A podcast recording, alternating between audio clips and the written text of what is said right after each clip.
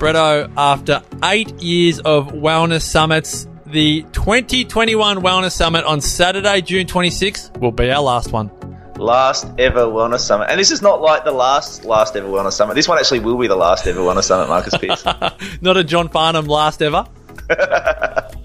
not a John Farnham. This is it. This is going to be it. It's going to be massive. It is the last one after eight years, after nine summits. It's going to be a big deal. It's going to be a great opportunity to say farewell, to say thanks, to celebrate what has been an amazing wellness summit. But I think more importantly, a great time and a great opportunity to deliver some wonderful health and wellness content to the world at a time when I think they absolutely need it most. Saturday, June 26th, purely digital event. There are no borders. Wherever you are in the world, you can join your favourite wellness couch presenters Kim Morrison, Brett Hill, Jason Witten, Bridget Wood from Nourishing the Mother, Paul Thompson, Andrea Huddleston from Wellness Women Radio, Joe Witten, Cindy O'Meara, the entire Wellness Couch team. We cannot wait to join and, you. And Marcus Pearce. Marcus, Marcus Pearce, that guy, that guy. June 26th, it's all day Saturday. It's one big wellness fest, 97 bucks, brought to you by Positive Mentor. Tickets and details at thewellnesssummit.com.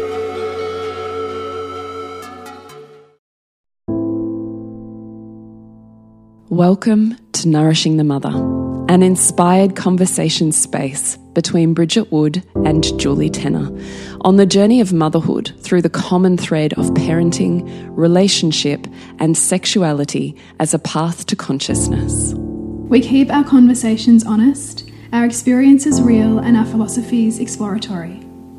We believe that in order to raise incredible humans, we first have to raise ourselves. We know that in order to rock the family, you've got to nourish the mother.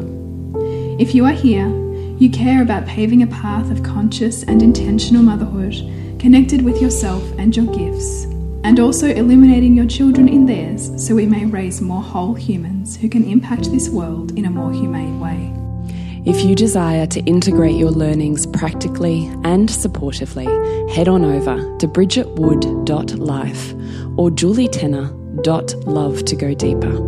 And for all live streamed, pre release podcasts and all our free content, head over to our free Facebook group, Nourishing the Mother with Bridget Wood and Julie Tenner. We are Julie Tenner and Bridget Wood, and we are so grateful you're here. And welcome to Nourishing the Mother. I'm Bridget Wood. And I'm Julie Tenner, and today's podcast is the Body Love Review. So, if you've been following along, you have just experienced six weeks of interviews with health professionals around a many and varied topic of how to love your body with greater reverence, depth, uh, depth and insight. So, in today's podcast, we're going to give you the wrap up of our highlights or our take homes, takeaways from each and every one of those six weeks. And as usual, wherever the conversation takes us. So if you're in for that ride, then strap on in. And before we do that, we'd love to remind you to jump onto nourishingthemother.com.au, scroll on down to the red banner, drop in your email, and you are part of our virtual community where we send you an email every so often that keeps you in the loop of everything that's going on so you can pick and choose where you'd love to dive deeper. Yes. So this review, this is I've been thinking about this wrap up conversation, knowing that we were going to have it as we've been moving through the weeks. And it's been such a personal journey too. I feel like us journey, us going through these topics and not only having these conversations for our listeners, but also seeing where they land within ourselves and what they stir up. Because, you know, we've both been quite vulnerable at various points on our own journeys and our own stories that these convey. And then also where our work is too, because like anything, body love, you just get taken to deeper and deeper layers mm. of where the work is. Yeah, I think loving our body is a lifelong journey and experience because it's in a continuous phase of evolution, no different to our psychology. So it's always an unfolding universe, I think. Mm as soon as you think this is as good as it gets, you realize there's this whole other layer and deepened experience. So mm-hmm. I think it's a lifelong relationship, which is why it's such a valid conversation to be having. Mm, it really is. And so our first interview was with Bonnie Bliss, and it was all about body image in the bedroom, Mm. which was juicy. Well, what I really, my takeaway from our conversation with Bonnie was just the reflection the reminder that we all block our own pleasure. Mm. Because of because we're almost putting in the way of our experience how we think somebody might be perceiving our body, so therefore we're not in our body anymore. Yeah, but then all the micro ways just during the day that you say no Mm. rather than yes to pleasure.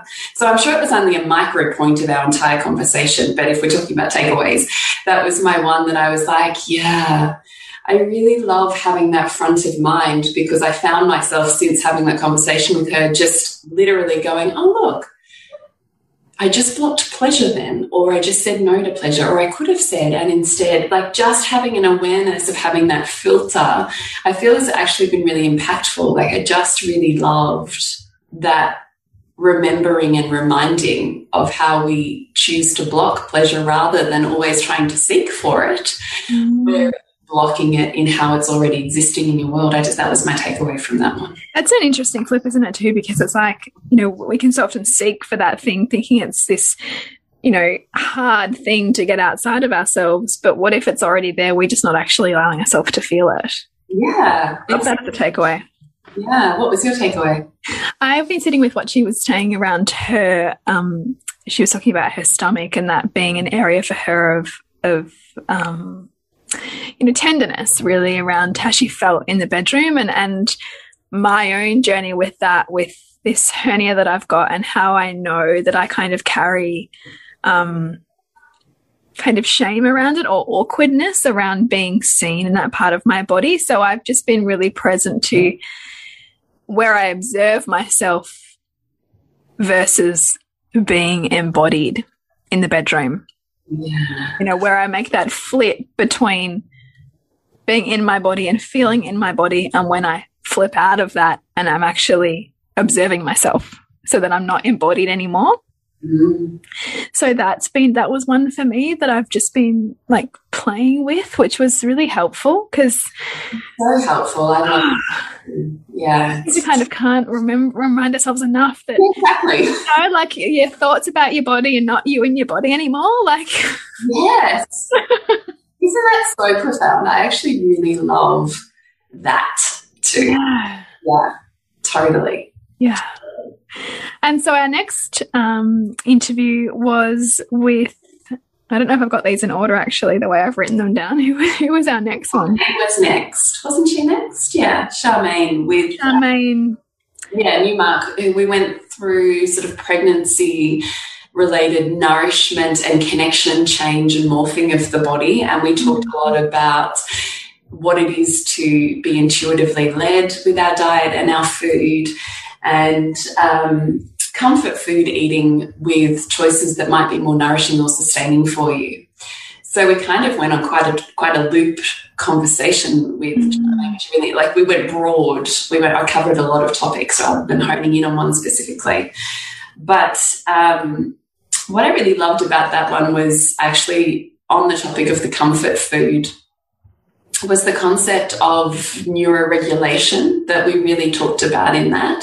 Mm-hmm. That sometimes that seeking for salt or for crunch or for whatever is the best you can do to regulate your nervous system in this moment and that that's not something we have to judge that that can be something that's healthful and beautiful because it's offering yourself the best nervous system regulation you can in this moment make so that was my takeaway from our conversation with Charmaine.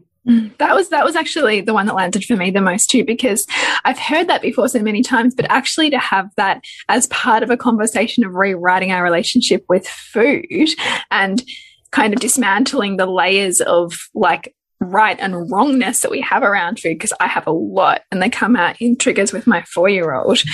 To actually recognize, oh my gosh, again, like what if they're choosing, like what if I'm choosing or they're choosing that food because on some level their nervous system is wanting what that food gives them and therefore who am i to judge and get in the way of that attempt to regulate with with my like rules, which are just really like constructs that we've come up with about, you know, good food, bad food, sometimes food, junk food, healthy food, you know, all of these beliefs that we have.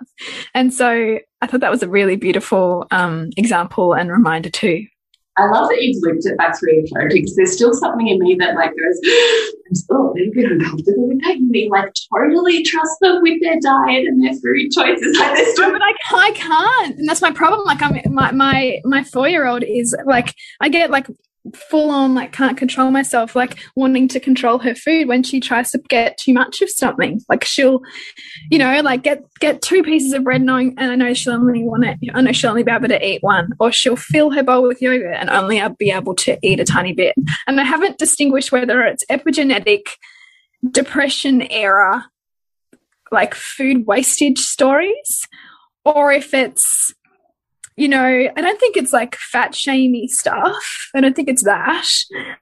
Or if it's just over controlling, you know, like I feel out of control, so I'll control this. I haven't picked the nuance for me around what that is yet, but um, but that re relating that back to um my children was was a good reminder because I'm I'm pretty on the ball with recognizing kids' attempts to self regulate, but hadn't always looked at it with food and how the food serves that. Yeah, super powerful. Mm. Super powerful. So then I think we have Chloe, uh, was it Chloe next? Chloe next with training the postpartum body. Mm. What landed with me for that was you know this our cultural construct you know or this kind of super mum esque uh, pinnacle that the modern woman's trying to search for which is when can I get back to my running? My doctor said at my six week check I'm good. Chloe really brought in this like, no, like your restorative process takes six months mm -hmm. and it's micro movements and listening deeply to your body and bringing in the, you know, the dynamics as well about the sleep you're getting. Because I, I doubt that that's a conversation that practitioners are having with women around the fact that biologically normal sleep for babies and toddlers is waking a lot. So, how is that affecting you? That's kind of not in the conversation. So, I loved how women centered her focus was um, for really honoring that postpartum time in your body and all the work it's done and all the work it's still doing to, to find its new alignment. Mm, I just love everything you just said. But I also, as you were talking, I was like, yeah, that was totally, I loved that one too, that we need to alter our daily activities or expectations based on how much can you restore that night, how much restorative, which needs to be deep level sleep, are you going to get that night? And therefore, how much of your musculature or body or whatever can you tear during the day, knowing that's going to be repaired? Going to repair, yeah. And if that sleep and restoration phase is less, that that does need to impact and be a consideration in how you're moving and the expectations you're putting on your physical body during the day. I just, like you, really loved that lens of it's not just you like you were before and it's not mm. like any other human. You are literally getting potentially very few deeply restorative phases of sleep in your night, depending on how much your child is waking. Yeah. But we sort of tend to sweep over or gloss over the sleeplessness and the chronic the chronic sleep debt that mothers in particular build mm. their child raising birthing years. Yes. It is not like anyone else is functioning so I can remember having deep rage at anyone, including my partner, that would say they were tired. I'm like, you don't know what tiredness means. I'm so grateful I at a family dinner or something. And my sister in law has no children, would be lamenting how tired she is, blah, blah, blah. And I like wanted to stab her with my. I remember getting driving home, ranting like a lunatic to my husband. And he's like, seriously, Jules, someone else gets to feel tired too. yes, you do. But, and the conversation needs to be how much we're asking mothers' bodies and psychology to do without any additional support. And I mean, how much was that anger that you had, you know, an aspect of you feeling so unseen, like the the tiredness of mothering feeling so unseen. Which is which is what it is. Yeah. And also the you know the process with the postpartum body too of the fact that your organs, your internal organs have reorganized themselves around a two to five kilogram baby for the last however many months. Like there's a process of gentleness that we need to offer for that woman that doesn't involve pounding the pavement as soon as she can. Mm, totally. Totally. Mm. Conversation actually, isn't it? I love having this review. It's like taking me back to all the feels of those conversations. Yeah, it's great, isn't it? And hopefully for our listeners, if you're like wanting to go deeper, then you'll go, oh yeah, I need to listen more to that one, or I need to go back to that one that I missed. So we hope that that's what this is offering you too. So then we had Sally, who was the naturopath and skin specialist, who we talked about loving the skin you're in. And that was such a beautiful, like the only reason we had that podcast even was because you and I were reflecting on how do we want this body love to look. And you were like, you know, this was a huge part of my experience of loving or not loving my body. And so mm-hmm. that's how we opened up this conversation because it wouldn't be one that would normally, I would have said, in context of self esteem or body love being brought up. So I thought it was really powerful just even to go, you're right, this is the largest organ of the body. Let's have this conversation.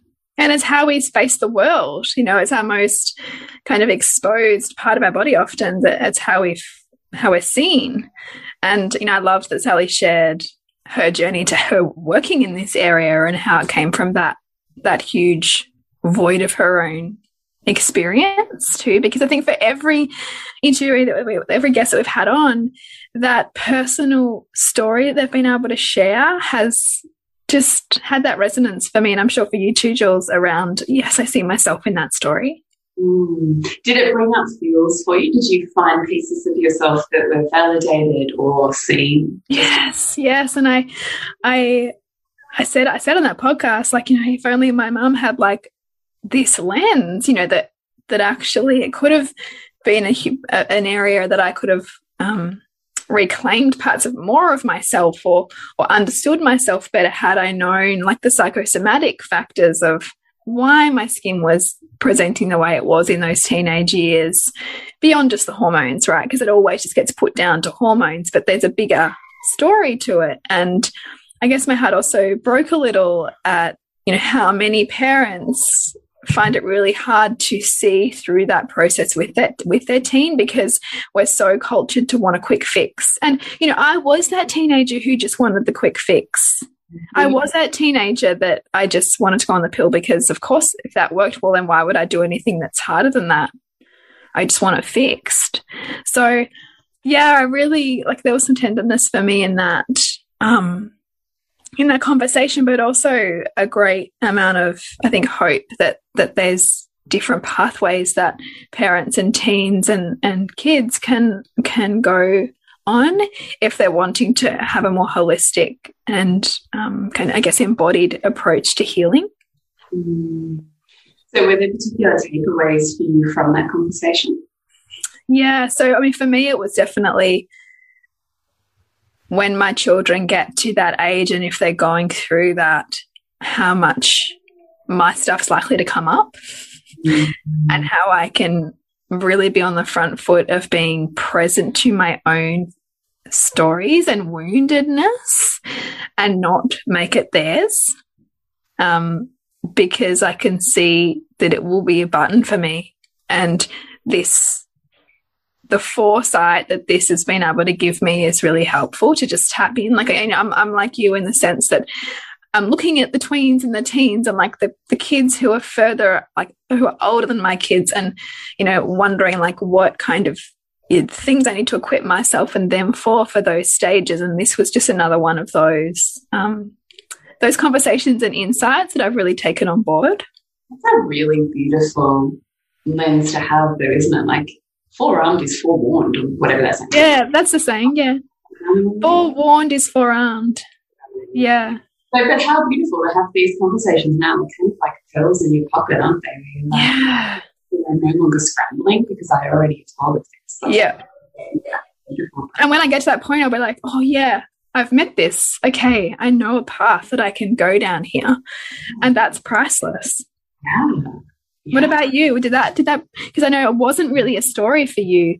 No, something that came up in it that you oh, conversation. I was thinking mostly about, um, as opposed to self identifying with that conversation, I was thinking, having the children in front of mind is thinking, okay, how am I entering this? How can I handle this? You know, how can I set them up? What are the conversations we need to be having? Like I was really sitting in the, I suppose, the present because that's where my two eldest children are.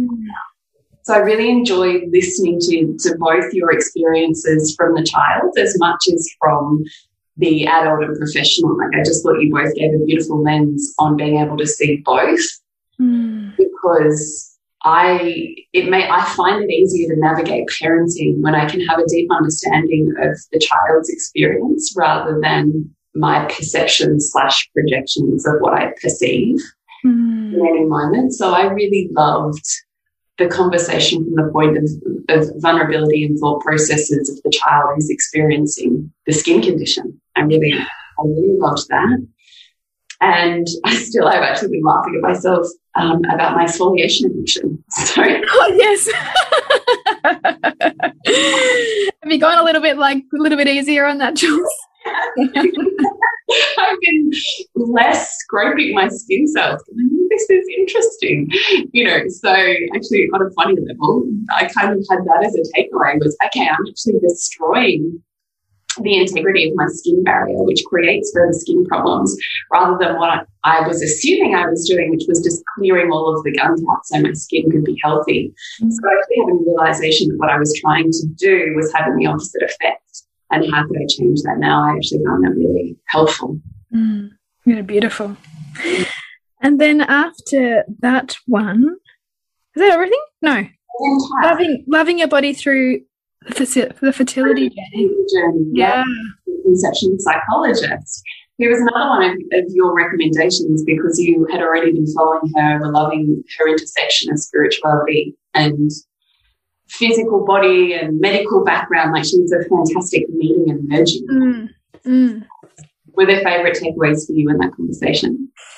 Oh gosh. Um really for me it was it was looking at where you're going in almost like she didn't say these words, but what I saw was, you know, this kind of downward spiral of like waking up every day and feeling like, oh, I'm here, I'm still here, my body's failing me.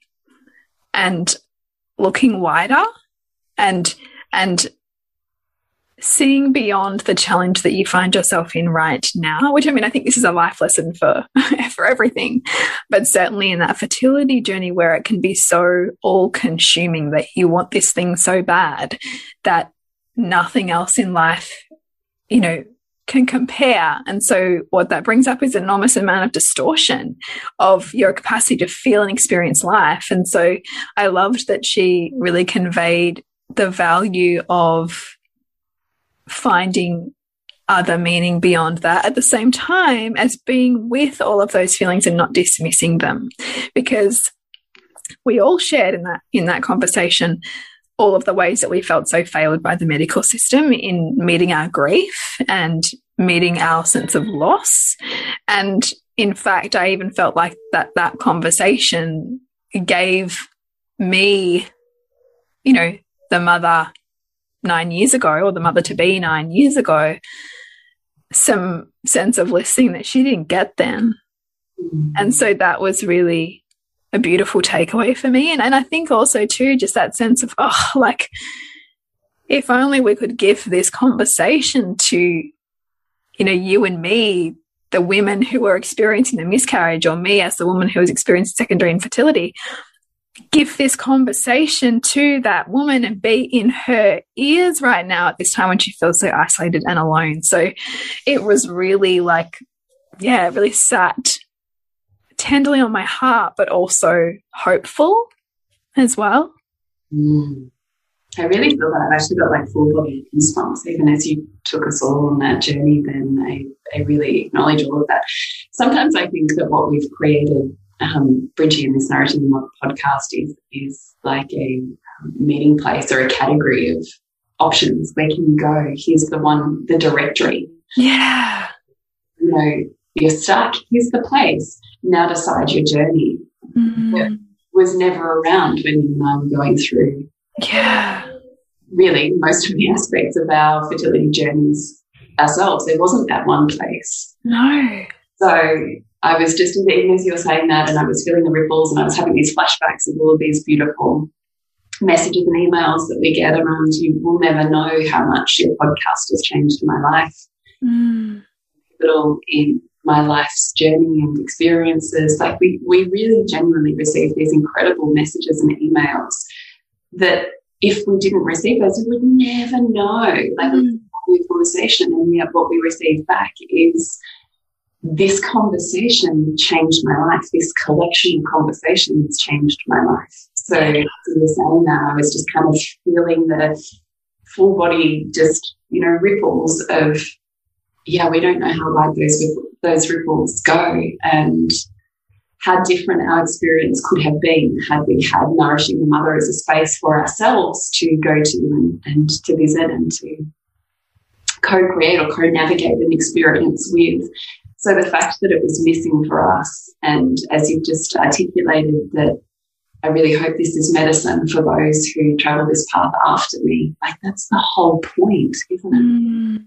It just comes full circle, and it's that real turning of wound into wisdom, right? It's, it, it is that question that we ask each guest that comes on the podcast is what that is for you. But I guess for you and I, like this podcast is a collection of that Yeah, whole thing.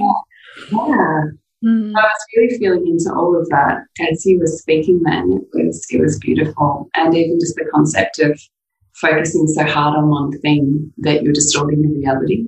Mm. I think that's that's a profound learning and a tunnel that I think we could all travel down depending on what it is that we're choosing to focus on that we assume our life would be infinitely better if we had or Mm. like I just think that that's a profound learning or awareness to bring. Yeah, good. Uh, I loved, I just loved the conversation that we had with Cass just around all of just the emotional states and the roller coaster and feeling it and normalizing it. Um, I still love the conversation around are you creating space for that thing that you want to create. Mm. I, I do see that, that that is, and I you and I have spoken to many women who find themselves in this space. And when it comes to, but are you creating the space for that baby to enter? Mm-hmm. Are you creating the space in your mind, in your body, in your heart, in your womb, in your life, in your relationship, in your, like, are you actually opening up a space there for something to jump into it? Because if there's no space, there, or there's nothing, there's no gap, there's nothing to be filled, right? Mm-hmm. So I loved the conversation around, are you creating the life or can you witness blocks to what you say you want just by virtue of contemplating am I creating the opening for this thing that I want?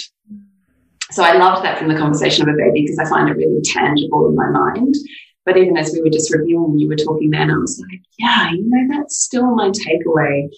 Even if we took it off of the lens of fertility or a baby creation into like myself, and you're beyond the years of creating a baby, what are you creating? Because it's still creation. It's still a fertility journey. It still involves, um, you know, many aspects that we navigate through the creation of a physical human. And so I find all of those points really relevant. Mm. Are you actually creating the space? Are you allowing yourself to step into the human you are, the space you are, the way you function to have that reality, or is it lip service? It's such a great reminder because it's a really great book that I read um, a few years ago, which is called The Way of the Fertile Soul. Mm.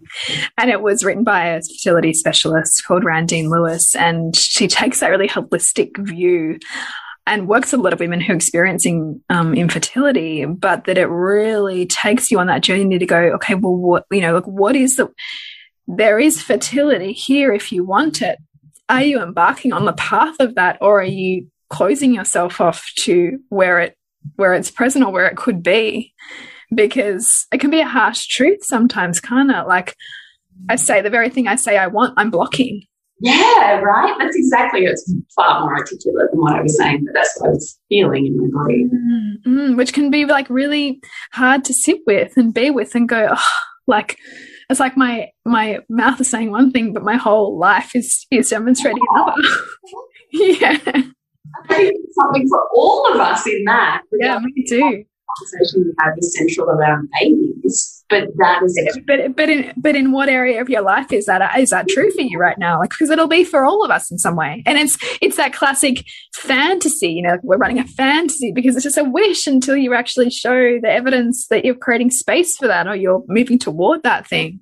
Yeah, exactly. So I, there were so many, um, I guess, which is perfect because Kat was certainly talking about fertility and conception from the point of, of a holistic or spiritual overlay. Mm. So I think um, as I look through the concepts that we discussed in that, there's so many, I'm like, yeah, that's so relevant just to life.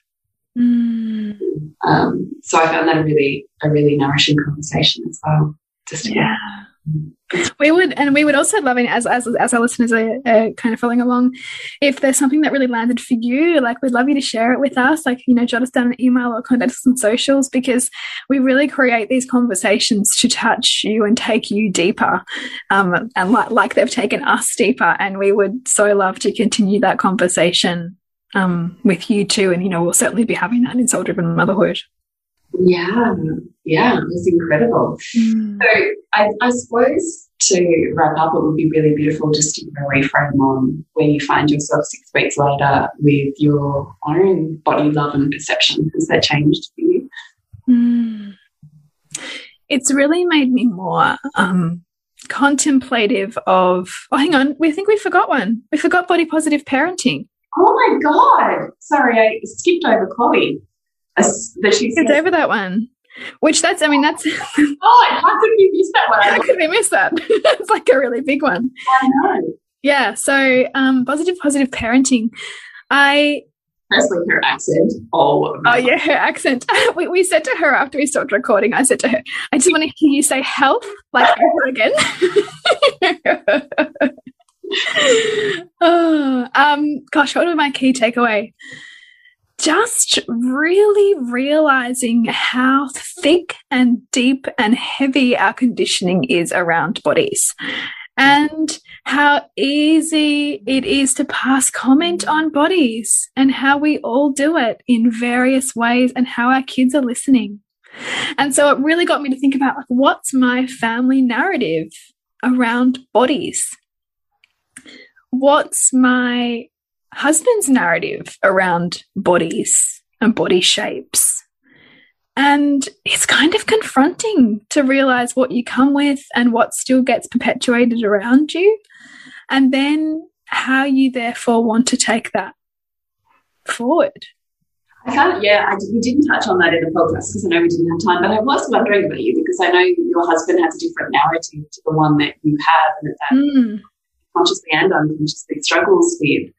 So having that conversation, that awareness, did that start to shift or, or bring awareness to narratives or conversations or, I don't know, ways of being or belonging within your own family unit that you were like, oh, that thing. Yeah. Yeah. I think for me, it really realized, it really helped me see that there's conversations I need to have with him around how he makes like his father's body equate to his father's inability to be present or inability to be a good father you know, or inability to have a deeper connection with him because he's made his father's size be like, you know, the reason why his father can't, couldn't, or can't, you know, have a full life, right?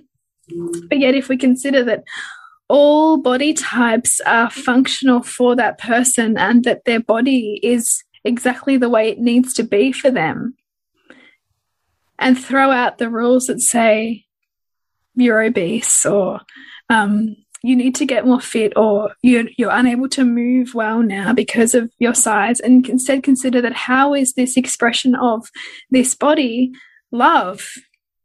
I think it really it, it, creates greater softening in me and and greater kind of like pulling at the threads of the stories that I've become a part of as a result of um, our perception you know, our perceptions around bodies. And two, I conversely, I see how it really serves my husband because he sees that and he he is a really fit, pretty fit mid 40 year old because he doesn't want to have the mobility issues and the challenges that he sees his own dad having. So I also see how how is consciously or unconsciously that presentation that his dad has, loving his son, but just in a different way, you know? Mm. So I think it just really helps me like check my projections mm. and let go of like self righteousness or just having answers because we just don't. Yeah, me too. So uh, that's probably my my big takeaway, and and then just really being aware of like yeah the dialogues that my kids are around about bodies and how we talk about their bodies. I mean, we don't tend to pass we don't pass judgment. I don't think, but they're growing up in spaces and places where that's going to happen. And so, how do we meet that in a way that feels respectful to all bodies and everybody being safe here. Mm. Mm. Yeah. Uh, yes, I loved, I just loved that. It's because it was so stark and clear in that podcast around how we all have a narrative and feel quite freely comfortable in commenting and passing shame or judgment or even just focus on a physical body. Mm loved how, how stark and clear that was in the conversations with Cliona. Like that was, yeah. I did. And, I that. And just so she's just so unapologetic about like this is the boundary. Yeah, yeah. I thought it was super clear. I really loved that as well. Actually, the time like I loved all of that, but the takeaway for me was the realization that I can advocate within the medical environment for my daughter.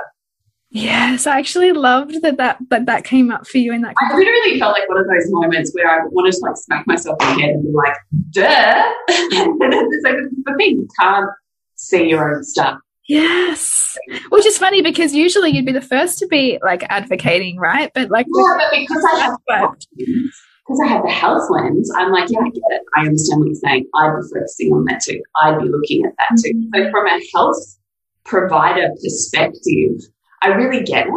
Mm. So, because it was, I guess, contextually framed within that environment, I wasn't taking it upon myself to advocate in a way that I might if it was outside of that context. Yes. Yeah. if mm. outside, because in that context, I'm like, yeah, I get it. Not listening to you, but I get it. Some people are having this argument with you. You do what you want to do. I don't fucking care. I'll just do what I want to do anyway. Mm. I was kind of in that point. But what I'm missing in all of that is that my daughter is in the room listening. Mm.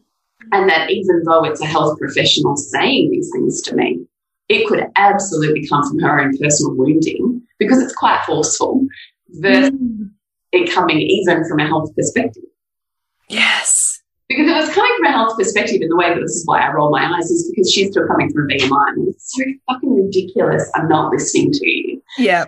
But if we had a different, if she actually had a, lens other than, uh, look, she also specializes in diabetes. So I think for her, it's coming from a very particular lens around children because her specialty. And, and being at risk. And, yeah. and she's seeing longer term, bigger health impacts from obesity. So I I guess in my own mind, I could rationalize and understand where she was coming from. But what I, so that's why I kind of just let it go. But what I missed in all of that was I still have a right to say, you don't get to talk about these things and you do get to talk about these things. Mm. This yeah we work on. I understand that's where you're coming from, but here's how we're going to be running these and actually managing the conversation rather than being led in the conversation. Mm. And, you know, also here's what we're going to talk about in front of my daughter, and here's what I want to have when she's not in the talk about when she's not in the room. Yeah. So actually, that was like painful.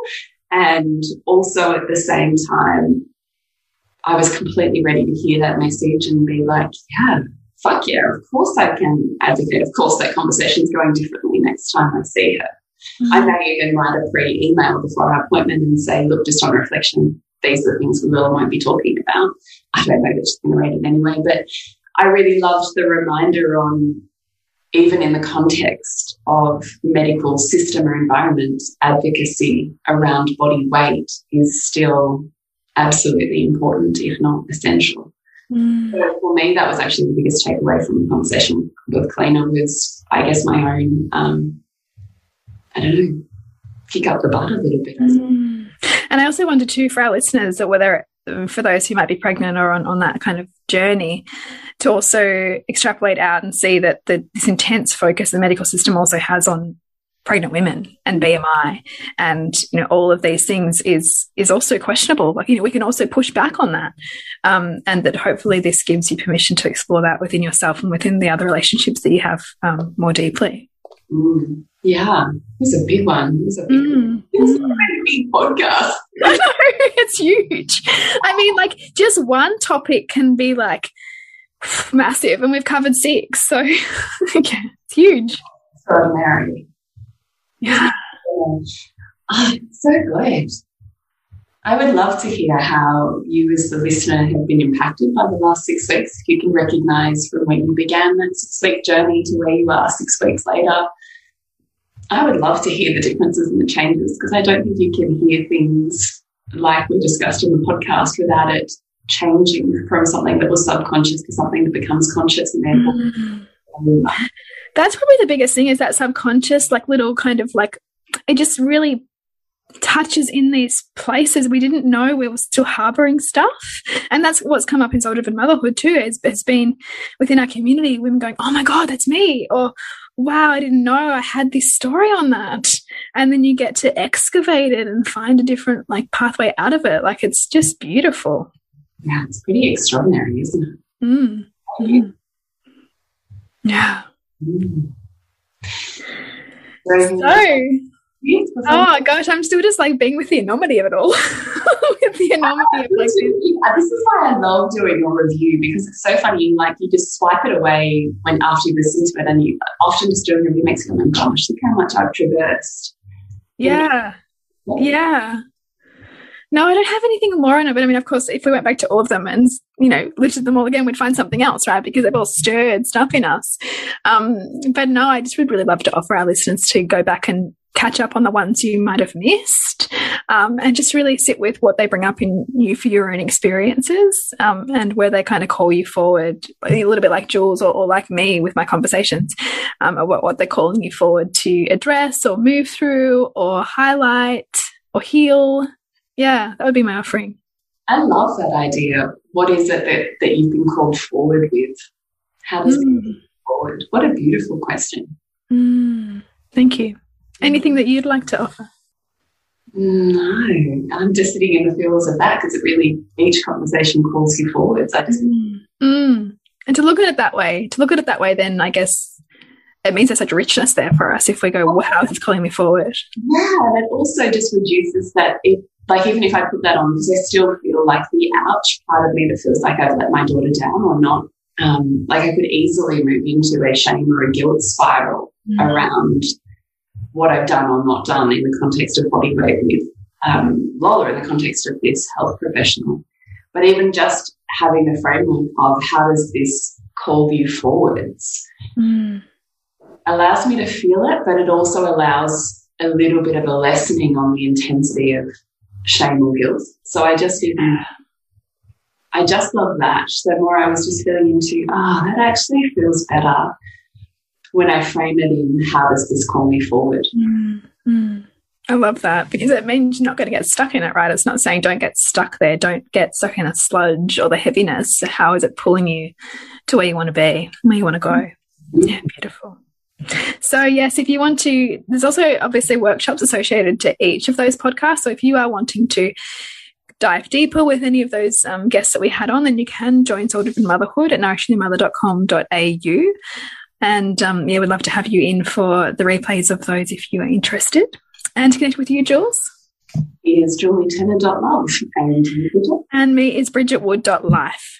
Remember to nourish the woman to rock the family. And we'll see you next week when we continue to peel back the layers on your mothering journey. Thank you so much for listening. We literally couldn't do this without you.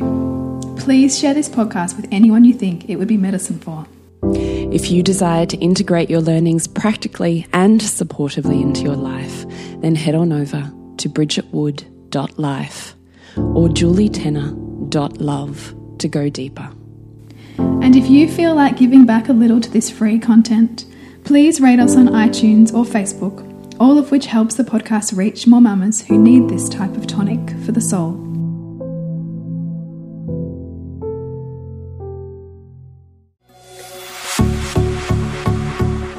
This has been a production of TheWellnessCouch.com. Check us out on Facebook and join in the conversation on Facebook.com forward slash The Wellness Couch. Subscribe to each show on iTunes and check us out on Twitter. The Wellness Couch, streaming wellness into your lives. Whilst the Wellness Couch presenter endeavor to provide accurate and helpful information to their listeners, these podcasts cannot take into account individual circumstances and are not intended to be a substitute for health and medical advice from a qualified health professional. You should always seek the advice of a qualified health professional before acting on any of the information provided by any of the Wellness Couch podcasts.